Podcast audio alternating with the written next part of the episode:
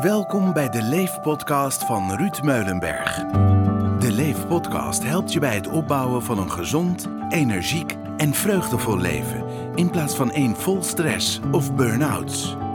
Zit jij echt te wachten op praktische handvaten en inzichten? Ben je het zat dat het leven nu niet loopt zoals je wilt? Ben jij klaar voor energie? Luister dan deze podcast en leef. Ja, lieve, lieve luisteraars. Ik ben hier vandaag met Mieke Maat. En Mieke is onze coach uit het uh, Zuid-Hollandse. En uh, een onvervalste Rotterdamse. Mag je dat zeggen, Mieke? Ja, lekker Rotterdams. Met de natte thee. uh, Mieke is een zeer gewaardeerde coach in ons uh, team. En Mieke is ongelooflijk scherp. En wat ik ontzettend aan Mieke kan waarderen, is dat ze ook heel, heel, heel scherp is naar haarzelf. Ik ken weinig mensen die zo verschrikkelijk in de spiegel kunnen kijken dan als Mieke. Um, en Mieke, ik twijfel nog een beetje nu. Wordt het nou onze allerbeste of onze, onze allerslechtste podcast alle tijden? Nou, we gaan het meemaken. Um, maar ik denk ook dat dat aan de luisteraar is om dat te bepalen. Maar als je het aan mij vraagt, wordt het de aller, allerbeste. Allerbeste. Zo gaat het, hè? En Zo gaat dat. De luisteraar heeft het misschien al geraden, maar dit gaat ook over de kracht van onze gedachten. Ja. En uh, daar weet jij heel veel van af. Hè? Ik hoor je er ook heel vaak over praten. Ik hoor je er yes. ook heel veel over praten met onze collega's, hè, waar je nog zelfs uh, andere coaches ook in, uh, in begeleidt. Um, dus ik denk dat we moeten oppassen dat we hier niet twee uur straks aan het praten zijn. we zullen het een beetje binnen de perk houden deze keer. Hè? Hou jij de tijd in de gaten, Ruud? Ik, de tijd gaat nu in. Ik denk dat we het gaan redden, Mieke. Helemaal goed. Ik heb er alle vertrouwen in. Misschien even, even leuk om je kort voor te stellen, Mieke. Zou je dat willen doen? Ja. Um, nou, mijn naam is dus Mieke Maat. Ik uh, ben uh, origineel een, uh, een, Rotterdamse. Ik woon nu in het prachtige Blijswijk. Dat ligt tussen Rotterdam en Den Haag in.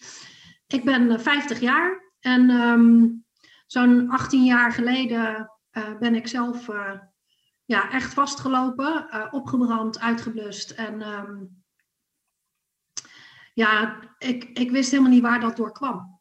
En um, ik zag het allemaal niet meer zo, uh, zo zitten. Ik, uh, ja, ik was echt, echt opper de pop, zoals we maar. En nu noem ik dat dan knijter burn-out. Ja, als, je me toen had, als je het me toen had gevraagd, um, had ik dat stellig ontkend. De term burn-out was toen ook nog helemaal niet zo bekend. Um, maar ik ben eruit gekomen. En, uh, en nu, ben ik, uh, nu ben ik andere mensen aan het helpen met uh, de ervaring die ik heb opgedaan. Ik denk dat we er nog heel veel over gaan, gaan spreken. Um, ik, reali ik, realiseerde me laatst dat we zo'n beetje tegelijkertijd burn-out waren. Oh, wat gezellig. En dat hebben we helemaal niet geweten. We samen in een soort klasje kunnen zitten, het burn-out klasje. ja, precies. Ja. Als het had bestaan, hadden we misschien elkaar er sneller uit kunnen helpen. Dat, ongetwijfeld wel, ja. ja. ja.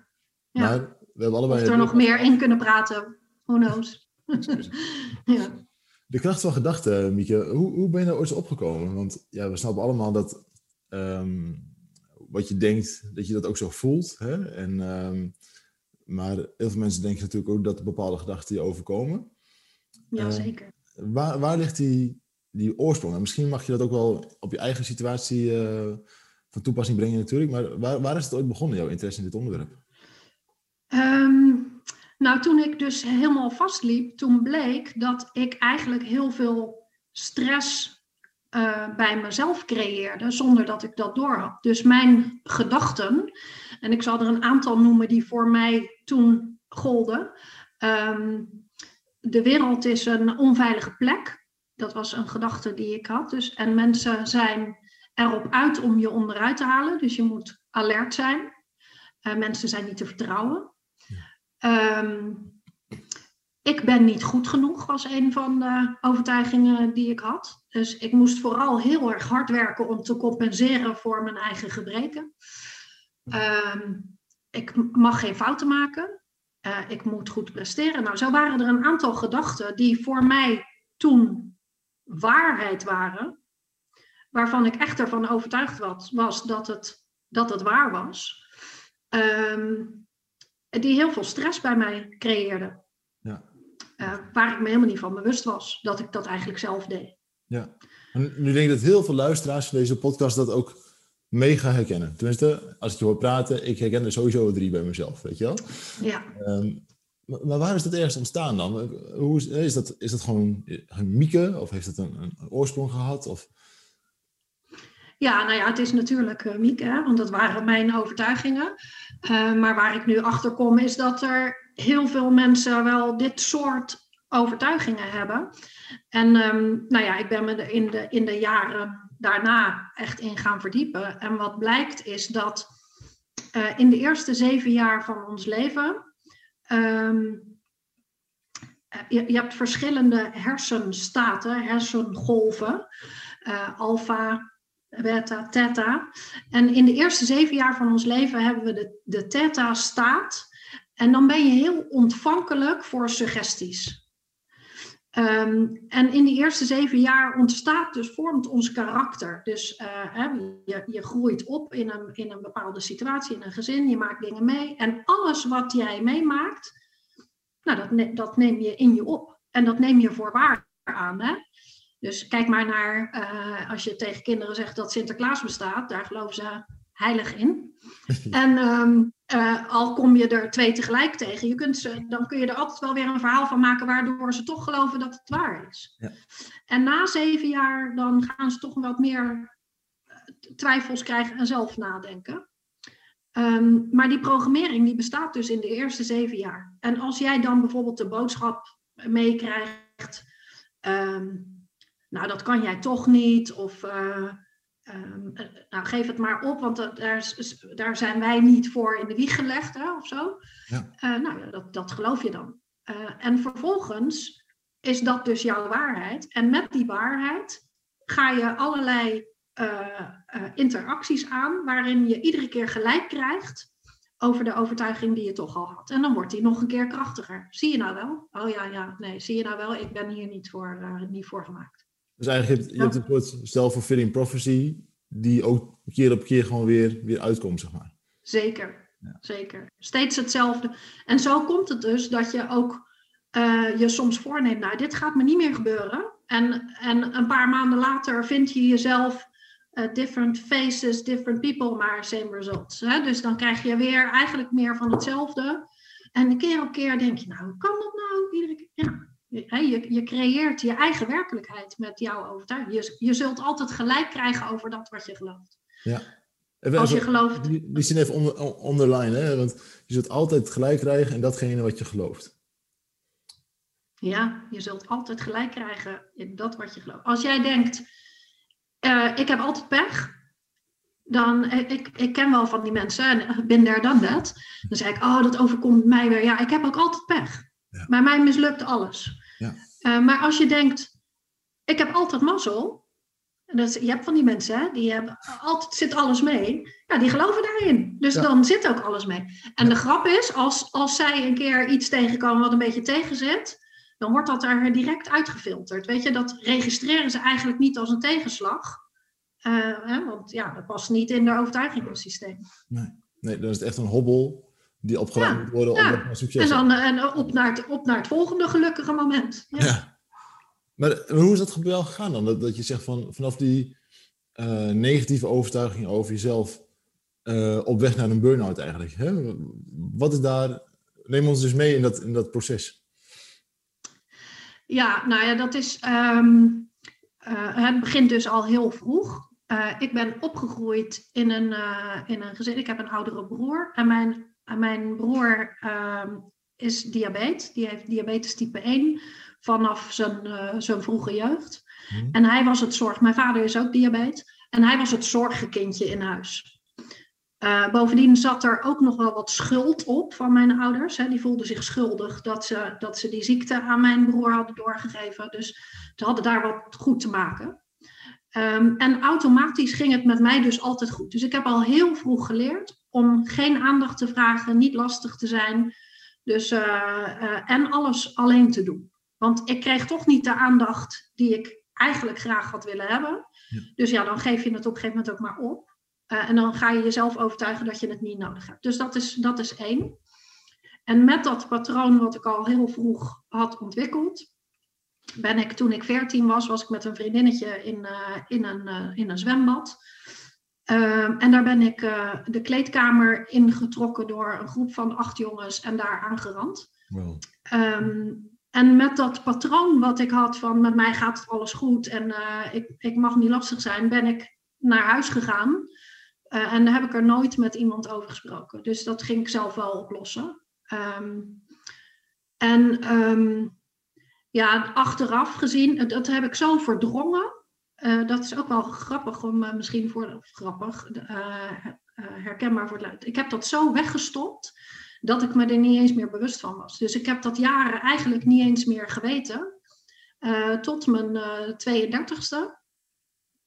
toen zat ik in de meest bizar slechte relatie. Wij haalden echt het slechtste in elkaar naar boven. Ehm, en um, nou, we hadden regelmatig ruzie en we hadden weer een keer ruzie. En uh, hij wilde dat goed maken met goedmaakseks, hè, zoals we dat dan uh, wel eens doen. Ja. Uh, en ik zei nee en hij deed ja. En toen kwam die herinnering ineens weer terug van hé, hey, maar dat, dat gevoel van dat heb ik een keer eerder meegemaakt. en toen ging ik eerst nog aan mezelf twijfelen van verzin ik dit nou? En vervolgens dacht ik, nou ja, weet je, ik functioneer gewoon. Dat vond ik. Deurtje dicht en niet meer aan denken en weer door. Um, maar dat, uh, dat ging niet meer. Ik was in de tussentijd ook heel veel gaan drinken en roken. Dat zijn goede verdovende middelen om, om maar je emoties eronder te houden. Um, ja, ik liep gewoon echt, echt vast in, in alles. En op een gegeven moment was ik echt, echt opgebrand. Um, en nogmaals, dat erkende ik toen zelf niet hoor. Eh, de term burn-out was toen helemaal niet zo bekend. Ehm, maar ja, als je s morgens opstaat met een aangezichtsverlamming, dan uh, gaat, gaat, het niet zo heel goed met je. Daar zit nog een stukje Rotterdamse humor op, hè? maar dat is gewoon KUT. Ja, zeker. Ja.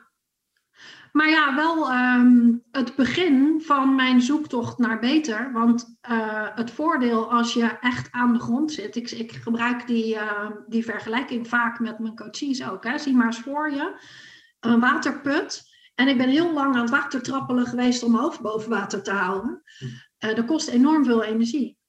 En op het moment dat je je naar beneden laat zakken en op de bodem komt, dan heb je grond onder je voeten om af te zetten. The only way is up. Ja. Dus uh, dat is het voordeel als je aan de grond zit, dan uh, kan het alleen maar beter worden. En daar, daar is ook mijn zoektocht naar beter begonnen. Um, en er was destijds niet zulke specifieke burn-out coaching als dat er nu is. Dus ik, ik, ik heb echt gezocht naar wat werkt voor mij en wat werkt niet. Ja. Um, dus ik ben bij psychologen geweest, ik ben uh, bij alternatieve therapeuten geweest. Nou, van alles en nog wat gedaan. En um, ja, dat is een heel mooi, boeiend proces geweest waarin ik echt uh, heel veel van mezelf heb geleerd. Onder andere uh, over ja, de overtuigingen die je over jezelf hebt, hoe die je werkelijkheid creëren. En hoe krachtig dat is als je dat weet te veranderen. Er viel me net één ding op. Hè? Je zei eigenlijk over je jeugd van... ik heb daar bepaalde dingen niet gekregen die ik wel graag had willen hebben. Uh, wat, wat voor dingen heb je het dan over? Nou, aandacht. Uh, dat is één. Um, en uh, ja, er is nu onderzoek gedaan naar um, hoeveel impact het heeft. Hè? Alleen al je geboorte, hè? dat is je eerste trauma. Dus je ligt lekker te dobberen in, uh, in vruchtwater en vervolgens word je door een heel nauw kanaal geperst. Um, uh, ja, dat, is, dat is best een traumatische ervaring. Dat realiseren we ons helemaal niet, omdat iedereen dat doormaakt.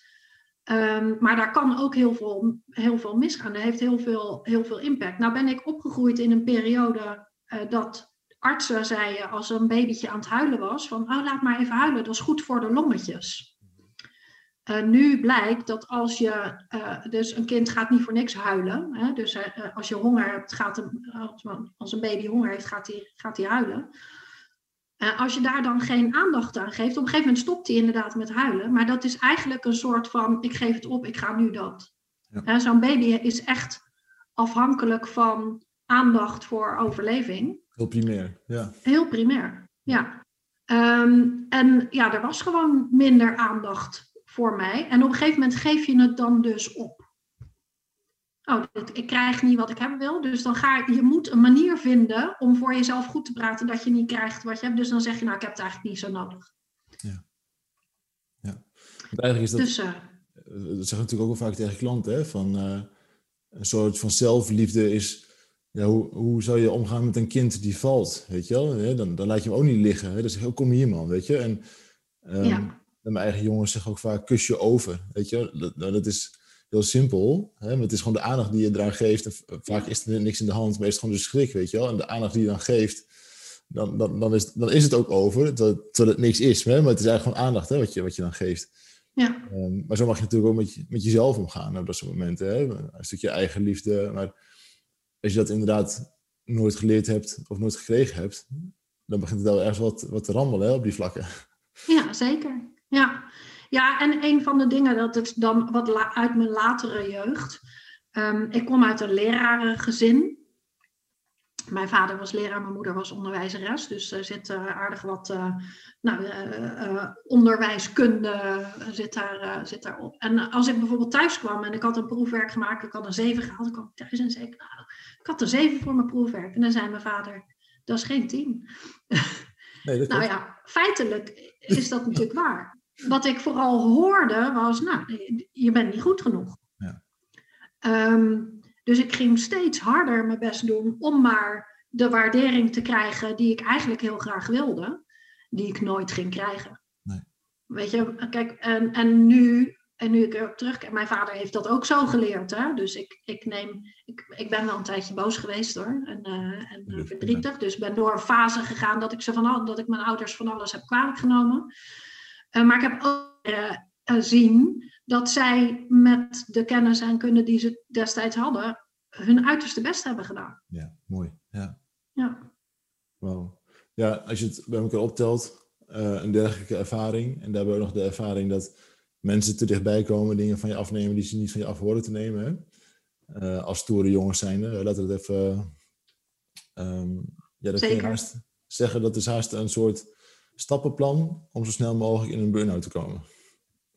ja, ja, het is een perfect recept voor, eh, voor een burn-out. Of, of, iets, of iets anders, hè? want je kan ook eh, een andere ziekte of zo creëren. Maar goed, burn-out was voor mij eh, de, de, de makkelijkste weg. Ja, ja tot je, of rond je zevende levensjaar ontwikkelt zich ook het autono- autonomie, hè, je zelfsturendheid over je leven.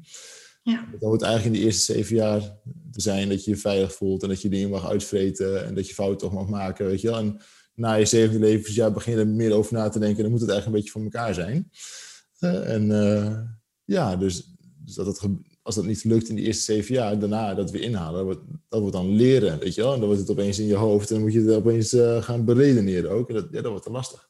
ja, Wauw. Hey, dus, ehm, en op een gegeven moment zit je vol in die burn-out. 15 jaar geleden, toen was je 35. ja ah, 18 jaar geleden, ik was 33. Ja, 33, ja. ja.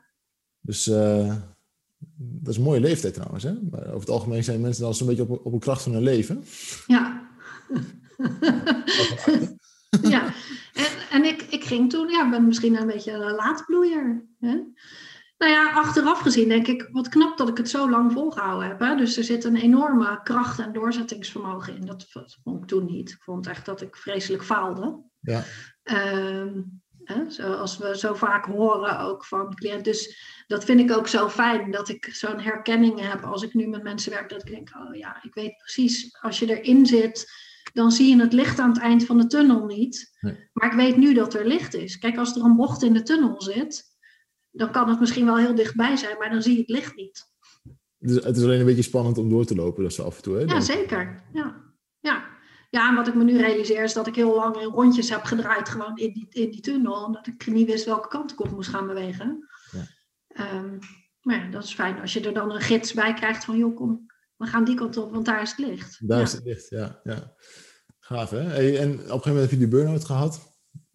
Ehm, en toen ben je bij eh, heel veel hulpverleners geweest. Heb, je- heb je gelijk iemand gevonden die jou echt kon helpen erbij? Of eh, was het echt een zoektocht?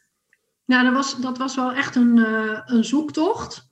Ehm, en ik denk met alle kennis die we nu hebben, dat dat een stuk efficiënter kan. Ja, Ik vind het achteraf ook wel mooi, omdat ik ook heb gemerkt juist, dat ik juist de ervaring heb, oh, dit werkt niet. Dat is ook fijn. Ja. Hè, dit werkt voor mij helemaal niet. Ehm, want wat ik, wat ik merkte, ik, ik kwam bij een, eh, bij een, een, een psycholoog. En ehm, ja, dat ging heel erg op, op het verstand en heel erg, we gingen heel erg veel praten. Ehm, nou, praten kan ik wel, dat merk je waarschijnlijk wel. En dat kon ik toen ook. Dus uh, als praten mijn probleem was geweest, dan had ik het al lang opgelost. Dat was het probleem. Ik was echt, alles speelde zich hier af. Dus alles rationaliseerde ik. En ik was het contact met mijn lijf eigenlijk helemaal kwijt. Dus, ja, hier is eh, alles uh, schouders en, en hoger, hè? Dat, uh, ja. ja, en dat was wat bij, wat, wat bij die psycholoog, dat was allemaal heel cognitief. Dus het, en nou ja, daar, daar was ik al. Hè? Dus ik kon alles beredeneren. Sterker nog, ik redeneerde alles weg. Hè? Dus ik, ik redeneerde alles plat. Ja. Dat is een hele mooie. Um, alles wat in je hoofd zit, is per definitie verleden. Want op het moment dat je kan, kan bedenken, dan heb je het al, is, hè, er zit al een bepaalde mate van kennis. En alles wat in je lijf zit, is nu. Ja. Dat is voelen. Hè? Dus zodra je iets voelt in je lijf, dat, dat is nu. Ja, ja je kunt niet morgen iets voelen. Nee, nee. nee. gisteren ben ik dat vaak weer vergeten, weet je wel. Ja, precies. Ja. ja sorry, ik heb, ik, ja. Dat is grappig, ja. Maar de, je hebt dus, hoe, hoe kijk je nou terug op die periode dan? Hè? Want zie je dat ook wel als, als pijn. Dus als ik naar mijn eigen burn-out terugkijk, ik heb daar onwijs veel van geleerd. Uh, en het heeft me op heel veel vlakken ook heel erg veel geholpen. Um, zo af en toe vind ik het wel jammer dat ik niet wat langer jong ben geweest. Hè. Ik ben heel jong opgebrand natuurlijk. En dat, dat stukje naïeve. En uh, weet je, dat, dat, dat vind ik ook wel jammer hoor. Hè. Maar ik heb er wel veel van geleerd. Hoe, hoe, kijk jij zelf nou terug naar die, naar die, naar die tijd? Ja, met heel veel dankbaarheid. Want um, ten eerste heeft het me gebracht waar ik nu ben. En daar ben ik best uh, tevreden over. Dat durf ik nu ook zomaar hardop te zeggen. Uh, ik ben gewoon wel een blij en gelukkig mens. Uh, met mezelf. kan het goed met mezelf vinden nu. Um, ja, en ik heb er heel veel van geleerd. En dat mag ik nu doorgeven aan andere mensen. Dus daar kan ik nu andere mensen mee helpen met die ervaring. Dus ik kan niet anders dan, dan dankbaar zijn. Uh, en je zou me nog steeds, op het moment dat je me echt naar de pijn brengt, dan zou ik in die pijn kunnen zitten. En dan hebben we het weer over de kracht van die gedachte. Als ik ergens op focus wat vervelend is, maak me ook vervelend voelen. Dus als, als we nu um, uh, heel erg teruggaan naar die pijn en hoe vervelend dat was, ja, dan ga ik me van, vanzelf wel weer rot voelen. Ja. En dat is ook een ding wat ik heb geleerd, weet je. Dus in therapie gaan we heel vaak graven in dat verleden en maar weer terug en nog eens dieper. Daar is geen, zit geen, daar is geen eind aan. Dus dat vind ik ook het voordeel van coaching ten opzichte van therapie. En soms is het goed om even terug te kijken. Um, maar vooral uh, het besef dat ik in mijn heden mijn toekomst creëer. Dus dat met de gedachten die ik nu denk, um, creëer wat er morgen gaat gebeuren. Hoe ik me morgen voel. Ja, dat vind ik briljant. Ja. Dat, ja, dat was zo'n inzicht van, oh, maar dat, daar kan ik dus zelf iets aan doen. Als ik stop met alles buiten mij, alles en iedereen buiten mij de schuld geven, maar gewoon verantwoordelijkheid neem over mijn gedachten en hoe ik me voel daarover, dan kan ik ineens dingen veranderen. Ja, terugkijken heeft toch zin om even te kijken van wat is nou de koers die ik loop en als ik nou zo doorga, waar kom ik dan uit? Hè? Zeker. Of moet ik wat aangepassen? Maar alles, al het verleden, dat is geweest. Weet je wel? Gisteren is geweest. Ja. Uh, we zeggen wel eens, uh, gisteren is net zo voorbij als de dood van Jezus. Hè? ook al is dat 2000 jaar geleden of gisteren, je doet er echt gewoon geen klap meer aan. Hè? Nee. Um, en dan kun je op je kop gaan staan, maar daar wordt het alleen maar negatief van. Het enige wat telt is, is nu en een klein beetje toekomst uh, natuurlijk. Nou, Ruud, op je kop staan is soms best wel leuk hoor. Ja, bij mij is het twee meter op mijn kop staan. Hè? Dus ah ja. ja, dan moet je het niet doen. maar laten we, dat, laten we dat eens concreet maken. Hè? Want stel, um, wat zijn er echt veel voorkomende negatieve gedachten die mensen over zichzelf hebben? Noemde al van, ik kan het toch niet. En, uh, maar is het dan... Ja, sorry, laten we daar eens over hebben. Ja. Wat, wat zijn er echt veel voorkomende negatieve gedachten? Nou, ik ben niet goed genoeg is wel een, uh, een hele uh, gemeenschappelijke deler. Die kom ik zo vreselijk vaak tegen. Ik mag geen fouten maken. Um, die koppel ik ook heel erg aan ons schoolsysteem. Hè? Want hier, als we naar school gaan, op hele jonge leeftijd al leren we van hoe minder fouten je maakt, hoe beter je gewaardeerd wordt. Ja. Dus ja, dan leer je eigenlijk dat je maar beter geen fouten kan maken. Terwijl wij mensen kunnen alleen maar leren door fouten te maken. Als je geen fouten maakt, dan kun je, dan kun je niks nieuws leren. Dus ja, daar word je heel krampachtig van. En dat brengt dus heel veel interne spanning met zich mee. En wat ik ook wel, wat vaak het herstel van burn-out belemmert, is, oh, ik word nooit meer beter. Dus als je geen vertrouwen hebt dat iets beter wordt, ja, dan kun je ook geen stappen nemen in, in die richting. Dus het is eh, in mijn beleving ook wel echt heel belangrijk om, ehm, ja, om een einddoel te hebben. Dus stel, ik weeg nu 100 kilo en ik wil er 50 wegen. Als ik denk dat 50 kilo wegen niet voor mij weggelegd is, ja, dan wordt het heel lastig om, om vol te houden om daar ooit te komen. Ja. De kans dat ik er überhaupt aan begin is al, eigenlijk al klein, maar uh, misschien dat ik dan een keer denk van nou, ik ga een dieetje doen. En na drie dagen dan valt het een beetje tegen. En dan denk ik, ja, het heeft toch geen zin, want ik word toch nooit slank. Nee. Wat betekent dat dan dat we een soort van, ja, we hebben wel een, een of andere goeroe in Nederland die dan uh, chaka roept en uh, zegt, je, je, kunt het wel. Hè? Is, is het ja. een soort van... Ja, chaka is echt het toverwoord, denk ik. nee, nou ja, kijk, ik, um, uh, wat, ik, wat ik veel tegenkom is dat mensen zeggen: ja, maar als ik dit nou geloof, dan is het ook heel moeilijk om ineens iets anders te geloven.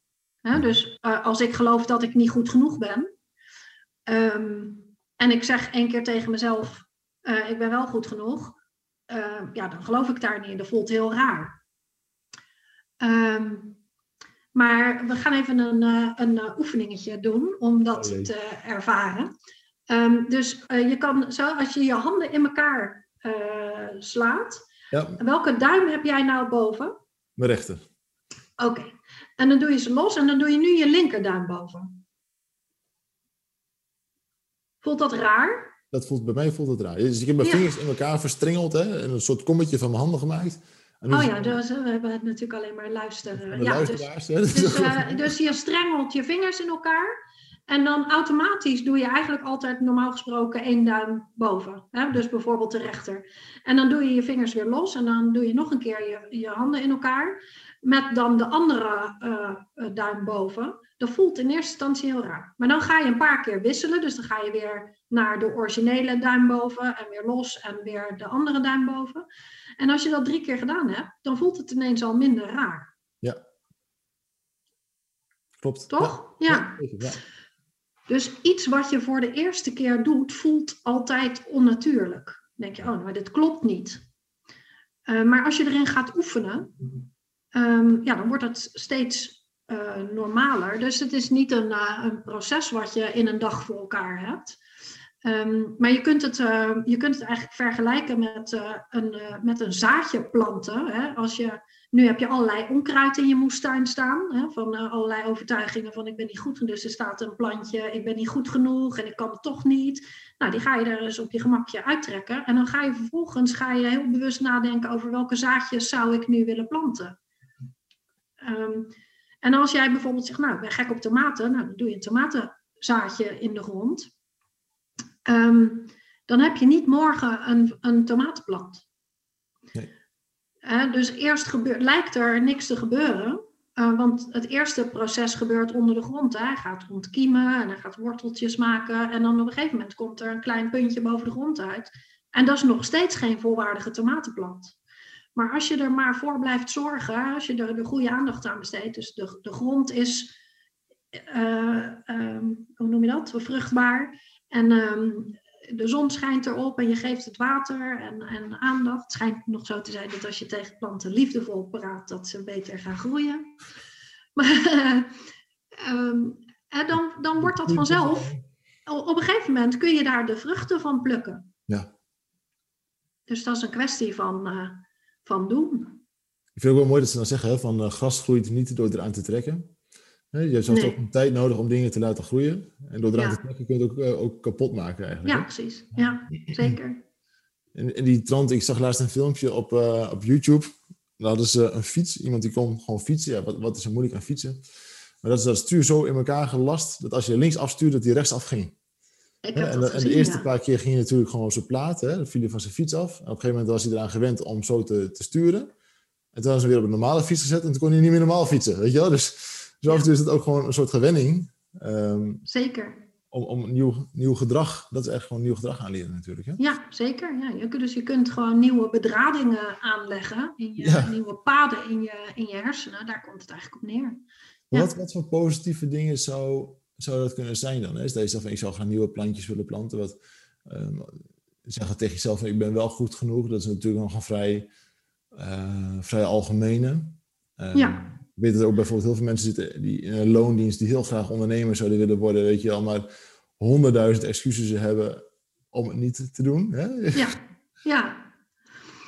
Nou, wat, mij, uh, wat mijn ervaring is, is dat als je begint met die algemene, dat is de basis. En daar kun je vervolgens op bouwen. Kijk, want als jij bijvoorbeeld ondernemer zou willen worden en je hebt de overtuiging, ik ben niet goed genoeg, mhm. ja, dan is de kans dat je onderneming slaagt heel klein. Hè? Want dan denk je, ja, wie komt er nou naar mij, want ik ben niet goed genoeg. Dat zijn geen hele bewuste processen waarschijnlijk, maar het heeft wel zo zijn effect. Dus om te beginnen met gewoon tegen jezelf te zeggen, ik ben goed zoals ik ben.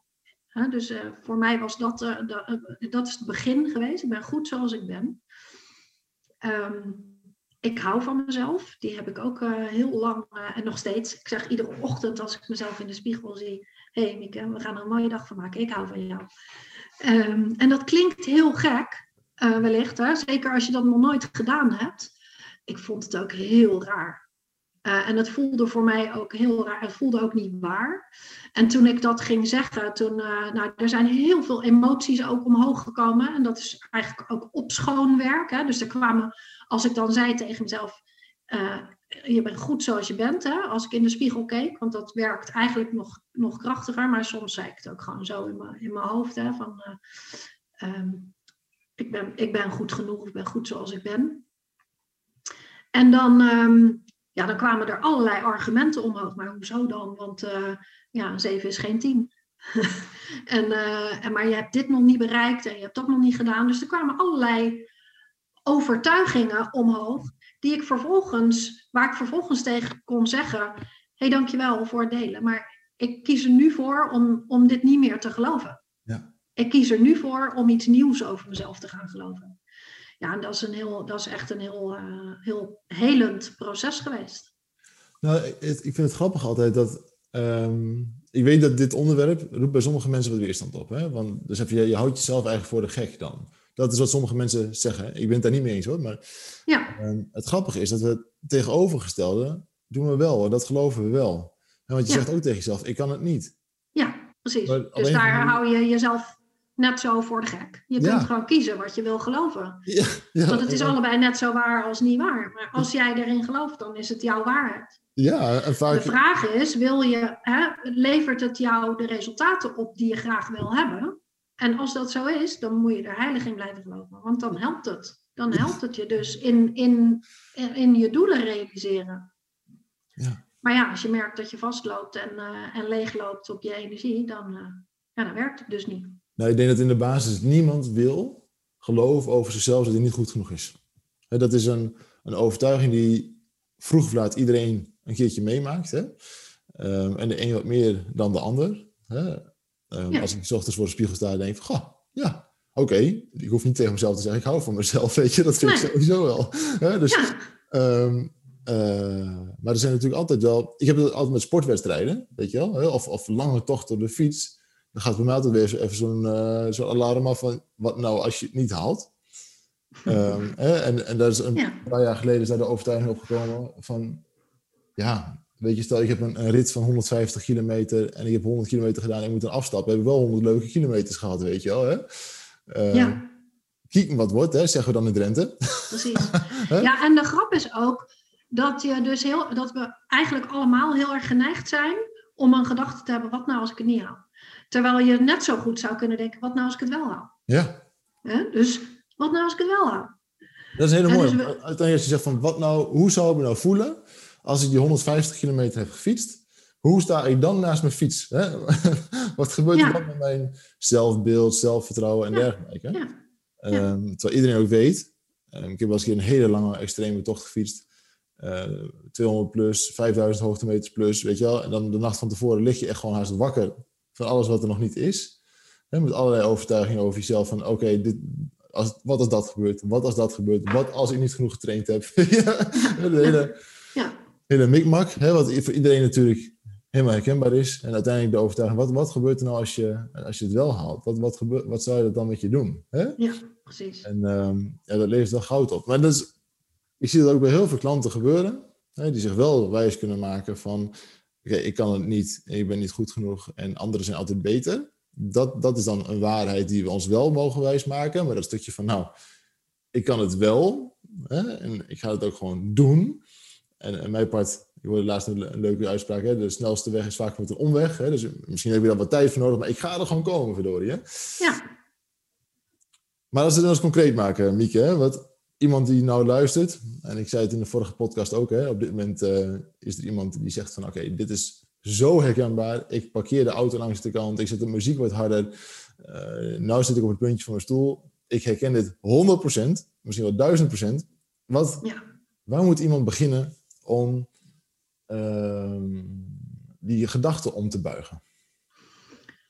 Ehm, nou, het beginpunt is eh, dus erkennen dat jouw waarheid niet de waarheid is. Dus dat, het je, dat je overtuiging die je hebt, dat dat ook maar gewoon een overtuiging is. Dus je kunt geloven, je kunt kiezen om te geloven dat je niet goed genoeg bent.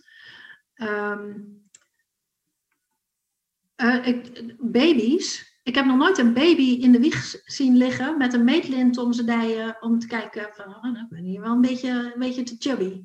Of zo. Weet je, baby's zijn helemaal tevreden met zichzelf. Dus er is een moment geweest dat jij jezelf oké vond. Dus dat je jezelf nu niet meer goed genoeg vindt, dat is aangeleerd. En als je je dat realiseert, dan betekent dat dus ook dat alles wat je aangeleerd hebt, kun je ook weer afleren. Uh, dus dat is, een, dat is een, het, het eerste begin. Erkennen dat, dat wat je denkt, dat dat niet per se de waarheid is. En dan um, jezelf ongelijk durven geven over de overtuigingen die je hebt. Dus uh, dat biedt ruimte voor iets anders. Dus kijk, als je maar vasthoudt, nee, maar zo is het, dan kan er niks veranderen. Maar als je zegt, nou, misschien heb ik er wel geen gelijk in, misschien is het wel anders, dan ontstaat er ruimte. En, dan, daar, en in die ruimte kun je dus gaan opschuiven en daar kun je gaan bewegen. En op het moment dat er een, dat er een klein beetje beweging komt, hè, dus als we weer teruggaan naar de metafoor van het zaadje onder de grond, in eerste instantie zie je eigenlijk niks gebeuren. Er gebeurt wel wat, maar uh, uh, ja, dat is allemaal ondergronds. Maar als je daar nou eens vertrouwen in hebt, dat er iets gebeurt, ook al kan je het niet zien, dat er toch iets aan, aan het bewegen is. En dan vervolgens komt er zo'n klein groen puntje boven de grond. En denk ik, oh, hé, hey, er gebeurt iets. Het is nog niet wat ik wil hebben, maar hè, er, er gebeurt iets. Dus vertrouwen hebben in het proces. Ja, dat, uh, dat, is, een, dat is een beginpunt. Ik kan me ook voorstellen dat mensen ook in zekere zin wel, wel bang zijn voor het onbekende. Hè? Van, ook wel haast van, mag dat dan? Mag je, mag je dan helemaal overtuigd zijn van jezelf? Ja. Ja, dus dat is inderdaad uh, een proces, hè? jezelf toestemming gaan geven. Wat ik net zei, hè, als ik dan in de spiegel keek en ik zei, ik ben goed genoeg, dan kwamen er allerlei argumenten omhoog die, uh, die het tegendeel beweerden. Uh, dus er kwamen allerlei gedachten omhoog van, nou ja, doe niet zo stom, want je, dat kan je nog niet en, en die is veel beter dan jij. En om dat gewoon waar te nemen en dan uh, te zeggen, nou, dank je, dank je wel voor het delen. He, want die, die gedachten die jij hebt, uh, die programmering die je hebt, die heeft jou ook geholpen op een bepaalde manier. Hè? Dus mijn overtuiging van uh, ik doe het wel alleen, ik, ik doe alles alleen, die heeft me staande gehouden in de tijd dat ik niet de aandacht kreeg die ik eigenlijk graag had willen hebben. Ja. Dus het, is zijn, het zijn ook overlevingsmechanismen. Dus als je daar ook met, met, met liefde naar kijkt, van hé, dankjewel dat je me al die tijd geholpen hebt om, om te overleven. Maar nu kies ik om mijn, eigen, om mijn eigen pad te gaan bewandelen. Of ik gebruik vaak de metafoor van de, van de bus. Hè? Dus uh, ben jij de bestuurder van je eigen bus? Bepaal jij, zit jij achter het stuur? Of laat je allerlei, uh, allerlei argumenten de, je route bepalen? Mooi. En zo zit ook heel veel zachtheid op. Hè? Dan, dan zit je niet te denken aan goed en fout. Uh, maar meer aan, aan helpend en, niet helpend. Hè? Dus dan heb je er ook geen oordeel op zitten. En dan Dan, hoef je, dan moet je er ook niet bij weg, maar dan mag je erbij weg. En dan, dan ligt alleen maar de toekomst nog voor je. Ja, zeker. Ja. Dat, is, dat is ook een helpend uh, iets. Dus het woord moeten uit je vocabulaire schrappen. Dus gewoon gaan herkennen hoe vaak je het woord moeten gebruikt. Ik moest van alles van mezelf. Ik moet nog dit en ik moet nog dat, ik moet nog zus, ik moet nog zo. En als je dat ook een paar keer zo achter elkaar zet, dan, dan merk je hoe, hoeveel druk daarop zit. En op het moment dat je dan leert om um, bijvoorbeeld het woord kunnen of mogen te gebruiken, dus nou, dat, dat, mag ik, dat mag ik gaan leren. Of dat kan ik gaan leren. Of als ik het echt wil, hè, dan, dan, dan, kan ik dan kan ik daarmee aan de slag. Dat geeft zoveel meer ruimte. Ja, dus dat moeten, moet eraf. Klopt dat? dat moeten, dat mag eraf. Dat, goed ja, zeker. Ja. Stel nou eens dat we nu mensen één mega, één mega waardevolle tip kunnen geven. Hè? Van joh, als je hier nou wil mee starten, mhm. nu, hè, in de komende minuten. Want we weten allemaal, uh, blijven bedenken van, van dit en het graag willen, dat heeft geen zin. Hè? Als je dit graag wilt, dan zul je ermee mogen starten. ja, dan, ja, dan mag je daar zeker mee aan de slag. Ja. Waar kan iemand beginnen? We hadden net al even de, de overtuigingen, scannen, ruimte maken. Maar als je nou echt gewoon Oh, sorry, de cijfer, cijfer 7,5, eh, Mieke. Weet je um, nou ja, ik denk dat het echt begint met dat je, um, dat je iets anders wilt dan wat je nu hebt. Hè? Dus dat je echt zegt, dit wil ik echt niet meer. Ik wil niet meer me zo voelen. Ik wil van A naar beter. Dus het begint met, en dan is het echt een kwestie van doen. Ehm, doen, doen, doen. En ook al voelt het niet fijn, ook al voelt het raar. Ehm, en dat is hetzelfde als naar de sportschool gaan. Kijk, als ik, als ik uh, spierballen wil hebben en ik ga één keer naar de sportschool en ik doe één keer zo mijn, uh, mijn biceps trainen met een gewichtje, dan heb ik niet ineens hele sterke spierballen. Maar als ik consequent blijf gaan, ook al heb ik misschien niet zoveel zin, of ook al ben ik het aan het doen en denk, oh, het doet eigenlijk een beetje zeer. Ehm, en niet over je grenzen gaan, wel, wel liefdevol voor jezelf, maar het is echt een kwestie van doen. Oefenen, oefenen, oefenen. Wauw. Mieke, onwijs bedankt voor alles wat je met ons gedeeld hebt. Uh, ik vind het een on, onwaarschijnlijk gaaf onderwerp. En uit jouw mond klinkt het ook gewoon volledig waar. Hè? Je hebt het zelf geleefd, je hebt het zelf gedaan. Ik ken je ook gewoon niet anders als dit. Uh, ik zei al, super streng naar zichzelf, maar ook heel uh, glashelder, heel, heel fijn en uh, ook wel heel liefdevol, Mieke. Dus onwijs bedankt voor je, voor je kennis en kunde. Heel graag gedaan en dankjewel voor de uitnodiging. Ik heb ervan genoten. Leuk man. Ja, lieve luisteraar, als je hier dus meer over wil weten of als je met Mieke in contact wil komen, stuur me een mailtje info.ruudmeulenberg.nl En denk alsjeblieft ook eens aan mensen die dit onderwerp ook absoluut moeten horen. Er zijn ongetwijfeld heel veel mensen in jouw omgeving die best wel wat positiviteit in hun leven kunnen gebruiken, die best wel graag ook de toekomst in willen in plaats van in het verleden blijven leven. Deel vooral deze podcast, beoordeel hem, stuur een mailtje naar me info.ruudmeulenberg.nl en we kijken natuurlijk uit naar de volgende podcast. Mieke, ik zeg dankjewel en tot de volgende keer. Dankjewel, fijne dag. Doei doei. Dankjewel voor het luisteren naar de Leef podcast. Wil je meer weten over stress of burn-out? Meld je dan aan voor onze podcasts of bezoek onze website. Vind je dat meer mensen deze waardevolle informatie moeten horen? Deel dan je mening en beoordeel deze podcast. Samen werken we aan een beter leven na je burn-out.